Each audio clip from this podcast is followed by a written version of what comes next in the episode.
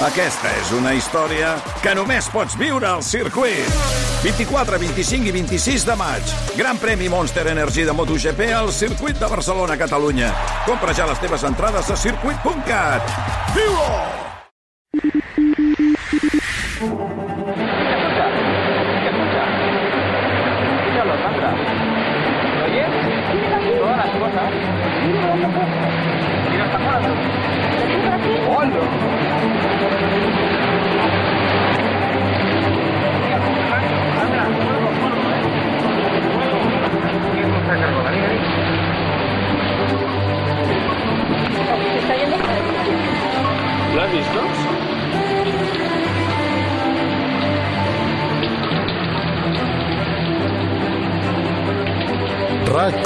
I Naturgy t'ofereixen Oxigen, el podcast de RAC més amb Mònica Usart.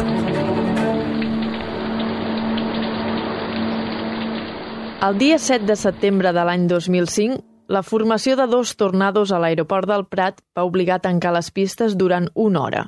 Els tornados van travessar la pista d'enlairament i van fer moure dos avions, i després van continuar terra endins. En aquest episodi, els tornados del Prat de l'any 2005. Era setembre, un mes mogut a casa nostra pel que fa a la meteorologia. Teníem una depressió davant de la costa que ens enviava aire càlid i humit. Per una altra banda, teníem aire fred entrant per capes mitjanes de l'atmosfera. Aquesta combinació va provocar que els núvols creixessin amb molta força i no només va ploure amb ganes, sinó que es van formar mànegues i tornados. Bona tarda. Ens trobem enmig d'una fortíssima tempesta que porta un parell d'hora clavada ben a prop d'aquí Mollet del Vallès, on ha tingut eh, lloc aquest tornado. Realment estem tenint un, un episodi trepidant i avui donar la informació meteorològica aquí a Catalunya semblarà pràcticament donar el temps a Amèrica, Estats Units, perquè realment parlar de tants tornados en tan poca estona i en llocs habitats doncs no és habitual a Catalunya. Uh, aquestes 12 últimes hores hem tingut fins a 9 mànegues i tornados. D'aquestes 9, 3 han sigut tornados, és a dir, que han arribat a terra i han sigut de l'escala fugida doncs, de nivell 0 o 1, nivell 1. Per tant, és un tornado de baixa intensitat, però que provoca doncs, aquests mals que estem veient aquí al meu darrere. Observin, doncs, aquest pipinyer totalment arrencat de soca arrel. Aquest era Dani Ramírez, meteoròleg de TV3, fent l'espai del temps des de ben a prop de Mollet del Vallès, on el 8 de setembre també es va formar un tornado. El Garraf, el Baix Llobregat i el Vallès van ser les zones més afectades, tant pels aiguats com pels fenòmens tornàdics. Oxigen, Avui en dia estem molt acostumats a compartir aquest tipus d'imatges per xarxes socials i moltes vegades s'han convertit en el canal de comunicació més ràpid. Però el 2005, com se'n van assabentar els experts que alguna cosa estava passant? Doncs la situació dels tornados de l'aeroport del Prat la recordo perfectament. Joan Arús, meteoròleg de l'AEMET. Jo estava de vacances, havíem arribat de, de Montserrat i justament per una llista de distribució que en aquells moments funcionava, la llista de distribució de la CAM, van, eh, van començar a sorgir les primeres, els primers mails que informaven d'un fibló a la zona de, de Port Ginesta, després Castelldefels, que van ser els primers que, que van arribar. Després ja els de l'aeroport i doncs per, per un correu electrònic, per una llista de distribució en aquells moments. La llista de correu corresponia a la CAM, a l'Associació Catalana de Meteorologia. Aquest era el primer correu que van rebre. Hola, bona tarda. Sembla que s'ha produït un tornado o fibló a la zona de la Pineda, Castelldefels. Deu fer uns 15 minuts. Records, Josep Maria Gasca. A partir d'aquí van començar a compartir informació com el camí d'inici i final de cada tornado, la presència de set mànegues penjant de manera simultània o de la força que tenia el vent basant-se en el moviment dels avions. I és que els tornados van creuar la pista d'enlairament del Prat, on, òbviament, hi havia avions i passatgers. Recordo que era un dia entre setmana, Enric Lucena, periodista. jo havia de volar a Palma eh, d'una manera molt ràpida i tornar l'endemà, per tant era, era un, un viatge molt ràpid. Recordo pujar a l'avió de forma normal, fèiem el temps, però com moltes altres vegades fèiem el temps, i després vam estar molta estona, allò que passa a vegades, molta estona dintre de l'avió i ningú ens informava de res. Suposo que tampoc teníem massa informació. En un moment donat, el, el morro de l'avió s'aixeca i torna a caure a terra. Nosaltres, l'avió estava parat, en cap moment eh, va arrencar, es va disposant a la pista d'aterratge i, evidentment, no ens vam enlairar, però el, el, el morro de l'avió sí que es va aixecar pel vent i va tornar a caure, pel vent o pel tornado, o jo que sé, perquè jo estava dintre de l'avió. És aquell moment on la psicosi de, de l'avió pues, es desferma en tota la seva eh, espontaneïtat, evidentment molts nervis, però eh, ens van tenir encara dintre de l'avió molta estona més.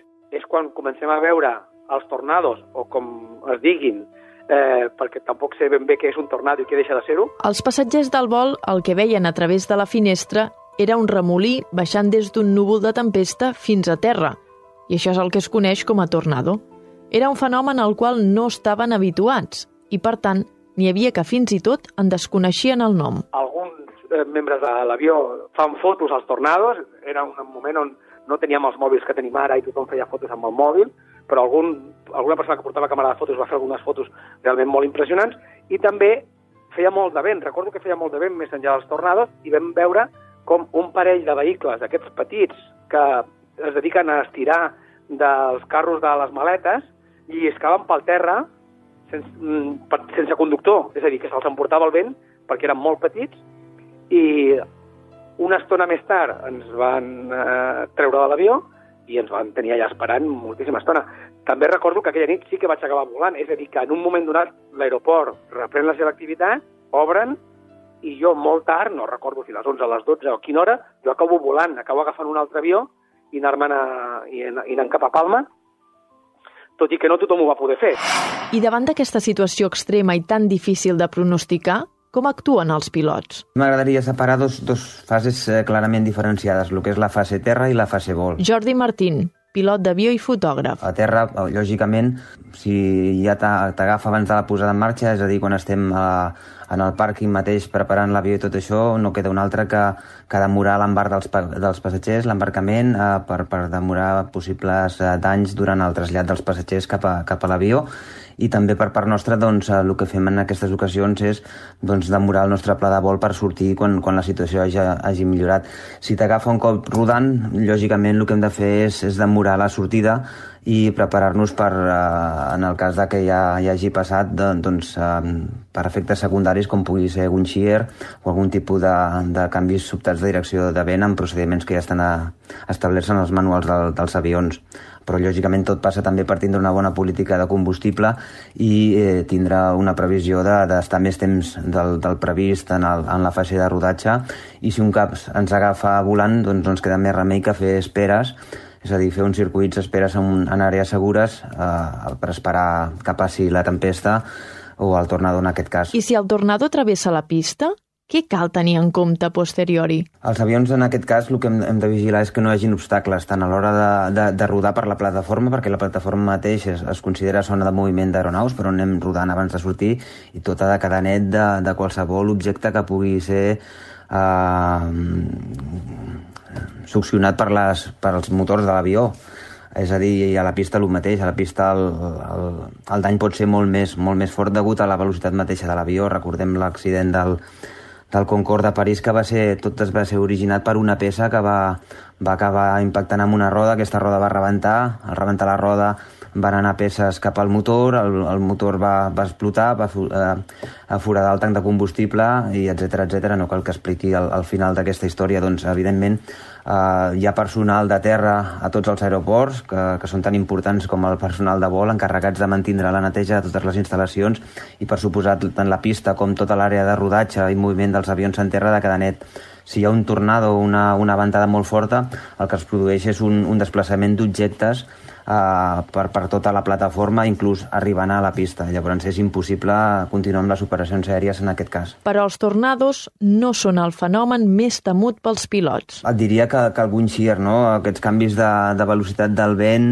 eh, parlant de temes meteorològics, eh? aquests canvis de velocitat del vent a prop del terra que et, et, et poden eh, comprometre seriament la sustentació de l'avió, s'han pues, de preparar, s'han de respectar molt. Eh? Vull dir, hem de prendre totes les mesures possibles per, per evitar les seves conseqüències gràcies a la tecnologia, a l'avanç, a l'experiència, els avions avui en dia estan equipats en, en molts mitjans capaç de detectar aquests tipus de fenòmens violents i, i quan et, et dic violent o que em preocupa més és per la seva poca previsió, que et poden afectar en qualsevol moment. No és com una tempesta, que evidentment la veus formar-se, veus més o menys per quina àrea t'està afectant i de més, no? Eh, sobretot eh, l'Starley Effect, no? El, el, el, el tindre algun tipus de, de fenomen que no t'esperes en aquell moment, però com et dic, avui en dia doncs, tenim, tenim moltes eines per, per previndre-les i també tenim molt, molt entrenament i procediments per, per poder-les evitar. El cisallament del vent seria un dels fenòmens més perillosos, una diferència de velocitat o de direcció del vent a distància molt curta.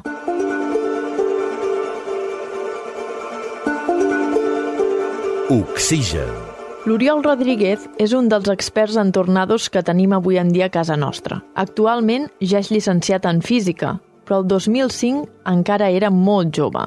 Com va rebre la notícia? Clar, jo en aquell moment era bastant, bastant jove, o sigui, tenia 14 anys, de fet a punt de fer-los, encara no els tenia fets, i, però, però bé, sí que recordo doncs, eh, que va haver-hi aquest episodi de, de tempestes molt intenses que de fet doncs, van afectar bona part de Catalunya i per tant també eh, doncs, eh, en aquest cas Badalona, no? que és d'on soc i recordo perfectament com al vespre van començar a sortir doncs, eh, per la televisió imatges de, de tot un seguit de tornados que havien afectat l'àrea de, de l'aeroport del Prat i, és clar eren unes imatges que, que de per si impactaven perquè a priori un es pensa que això només ho pot veure en pel·lícules, no?, o, o, o als Estats Units. Bé, clar, eren tornados que estaven passant a 20-30 quilòmetres de, de casa, no?, i això, doncs, eh, me'n recordo que, que em va sobtar molt.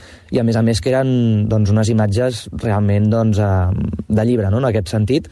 I bé, recordo això, no?, la, la sensació aquella de dir, ostres, està passant una cosa que és molt, molt forta i molt fora de lloc, aparentment, i a més a més, doncs clar, tot plegat acompanyat d'aquests aiguats que, que, que van caure amb força, amb tempestes, vull dir que va ser un episodi d'aquells eh, que un se'n recorda, i més encara si en aquest cas no, una persona doncs, que, que de per si ja, ja li agrada la, la meteorologia. Era una imatge de pel·lícula.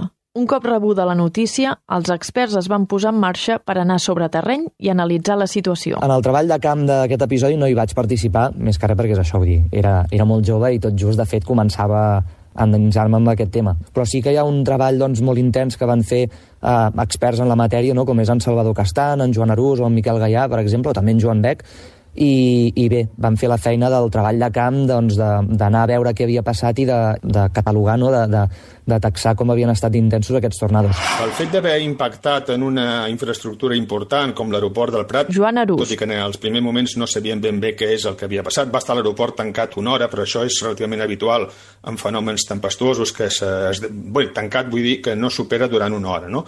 Però aleshores el dia següent mateix ja va venir en Miquel Gallà, que era el màxim expert en aquells moments de tornados, mm, va aterrar directament a l'aeroport del Prat, ja no va sortir de l'aeroport i ens en vam anar cap a la terminal on hi ha l'oficina d'EMET i d'allà doncs vam poder entrar dintre les pistes i anar a resseguir la, les infraestructures més afectades. Després ja a la tarda i el dia següent vam anar a visitar els altres fiblons de, de Castelldefels i, i la, la zona de, de, de l'aeroport, però per la banda de fora. I quines conclusions en van treure? Doncs vàrem estar dos o tres dies, no recordo exactament, perquè llavors també vam tenir un tornado a Mollet, que també el dia següent eh, hi va haver el de Mollet, també vam anar cap a Mollet a veure'l. Vam fer un recorregut i em sembla que vam, eh, al final vam concloure que eren uns cinc, eh, una, uns cinc recorreguts de fiblons a la zona de l'aeroport. En concret, el més important és el que va passar per la terminal de càrrega, que va anar a morir per la muntanya de Sant Ramon, i és el que doncs, va tenir una intensitat més forta, va giravoltar dos avions, un d'Espaner, recordo, i un altre de Girjet, que estaven aparcats, calculem uns 200, un F2 aproximadament, un F2 que seria dels, dels, dels importants, dels forts que hem tingut a Catalunya, però no pas dels més forts. Eh? La feina no només es va fer durant els dies posteriors. Aquest episodi s'ha continuat estudiant per tenir-ne més detalls. Posteriorment doncs, vam fer un, un estudi també... Oriol Rodríguez. Utilitzant altres dades, com per exemple eh, ortofotografies o dades d'imatges de, de satèl·lit per poder doncs, acabar d'estimar i acabar d'acotar les zones afectades. En qualsevol cas, es va arribar a la conclusió que un dels tornados, un dels que va entrar pel Prat de Llobregat i va afectar eh, la zona de l'aeroport i va arribar fins a Sant Boi, un d'aquests va ser el més intens, que va ser d'intensitat EF2. Això vol dir doncs, que va portar associats vents de 180 a 220 km per hora. I la majoria, eh, la resta dels tornados que hi va haver van ser d'intensitat EF0 o EF1, que vol dir doncs, que són tornados, diguem-ne, febles, però que tot i això doncs, tenen potencial per fer, per fer danys. L'escala d'intensitat de tornados es coneix amb el nom d'escala Fujita millorada. Va des de l'EF0 fins a l'EF5. En el cas del Prat de l'any 2005, el més intens es va catalogar com a EF2. Dins d'aquesta escala es defineix com a tornado amb vents d'entre 179 i 218 km per hora, capaç de provocar danys considerables com arrencar arbres, aixecar vehicles o destruir sostres. Oxigen. L'episodi de tornados del 2005 al Prat no va ser únic. Sí, la zona de l'aeroport... Joan Arús. És una zona on tenim diversos fiblons, no? El que passa que, per exemple, el 2005 hi va haver aquest bastant fort, que xifrem de F2, uns do, més de 200 km per hora, i casualment aquest fibló que va passar per la terminal de càrrega se'n va anar cap a Sant Boi i va anar a morir a Sant Ramon. Va passar per una zona de polígons industrials i va afectar doncs, uns polígons d'una forma important. No? Les companyies d'assegurances van tenir feina a la zona d'aquells polígons que hi han sota el peu de la muntanya de Sant Ramon. I casualment, el 2006 es va repetir una altra situació de fiblons que no van afectar l'aeroport del Prat, però que sí que van afectar aquesta zona de polígons industrials de, de Sant Boi és el que anomenem una mica a vegades en el nostre argot eh, efecte supersol. Una nau industrial que en aquells moments era supersol va estar afectada per un tornado d'una intensitat forta, de pràcticament F2, dos anys consecutius. Per tant, això de que la probabilitat és molt petita de que afectin un mateix, un mateix indret doncs, diverses vegades, doncs en aquest cas no s'ha complert. Dos anys seguits mm, va tenir, imagineu-vos, si tinguéssim assegurada aquesta nau industrial, dos anys seguits, no? I precisament l'any 2019 també se'n va formar una a la mateixa zona. Per tant, Indrets com l'aeroport són més propensos a la formació de tornados? Sí que s'ha vist... Oriol Rodríguez. És uh, relativament més habitual o més fàcil, diguem, que, que els tornados i les mànegues marines es puguin formar a prop de les desembocadures de, dels principals rius. És a dir, en el cas de Catalunya seria doncs, la Tordera, el, el Llobregat, el Francolí, sobretot també, Um, I això bàsicament es deu doncs, que com que són zones no? que geogràficament el que fan és unir l'interior de Catalunya amb el litoral, doncs és fàcil que en aquests sectors es puguin formar línies de convergència, és a dir, que per un cantó el vent et vingui d'una banda i per l'altre cantó d'aquesta línia el vent et vingui d'una direcció contrària. I això precisament afavoreix que es puguin formar diguem, circulacions, no? com, com remolins però d'un diàmetre molt gros i arran de terra, és a dir, que una, cosa que aparentment és imperceptible, però que si s'acopla amb el corrent ascendent sobtat del creixement d'un núvol convectiu, no? d'un cumulonimbus, o d'un cúmul congestus, doncs això pot acabar desembocant en una mànega o en, o en un tornado. Per tant, la idea seria aquesta, no? que a prop de les desembocadures dels rius pot haver-hi aquestes línies de convergència, que és un factor doncs, que clau i que ajuda a poder formar aquest tipus de, de fenòmens. Si ens fixem en el pas del temps, en l'evolució durant els últims anys, els tornados a Catalunya han anat a més? Si ens basem només en l'observació dels tornados, és a dir, amb, amb aquells tornados doncs, que hi ha algú que els avisi que ens arriba la informació, depenem molt precisament doncs, que hagi passat en una zona on hi hagi gent que el pugui veure, que hagi passat durant un moment del dia en el qual hi hagi claror i, a més a més, en una situació en la qual hi hagi una mm, relativa bona visibilitat. I això el que fa doncs, és que es vegi aparentment una tendència a l'alça en l'observació d'aquest tipus de, de fenòmens, sobretot pel que fa als tornadors més febles i també, especialment, amb les mànegues marines. Ara bé, això no és del tot real, és a dir, el que ha passat al llarg dels últims anys és doncs, que hi ha eh, cada vegada més gent amb telèfons mòbil que tenen doncs, càmera de fotos, més eh, gent a les xarxes socials, més interès fins i tot doncs, per aquest tipus de fenòmens, no? perquè com que cada vegada apareixen més fotografies, doncs hi ha més gent que, que li interessa el tema, i llavors, eh, bàsicament, aquest augment es deu a això, que en el cas de Catalunya no hi ha hagut un augment pel que fa doncs, a aquest tipus de, de situacions. En d'altres zones d'Europa sí, per exemple cap al nord d'Itàlia, però en el cas de Catalunya concret no s'observa una, una tendència clara, com a mínim eh, fins al moment. Sí que és cert, però, que de cara al futur, sobretot avançat, eh, avançat aquest segle, ja de cara a finals d'aquest segle, els escenaris indiquen doncs, que podria haver-hi una, un augment de la freqüència dels entorns favorables per la formació dels tornados. Des del 2000 fins al 2019, a Catalunya s'han registrat 106 tornados, és a dir, entorn de 5 o 6 de mitjana per any, i d'aquesta manera ens convertim en una de les àrees del Mediterrani on n'hi ha més. Els tornados són fenòmens que mai ens deixen de sorprendre, pel seu pronòstic difícil, per la seva destrucció i per la seva bellesa. RAC 1 i Naturgy t'han ofert Oxigen, el podcast de RAC més amb Mònica Usart i el muntatge d'Ivan Caral.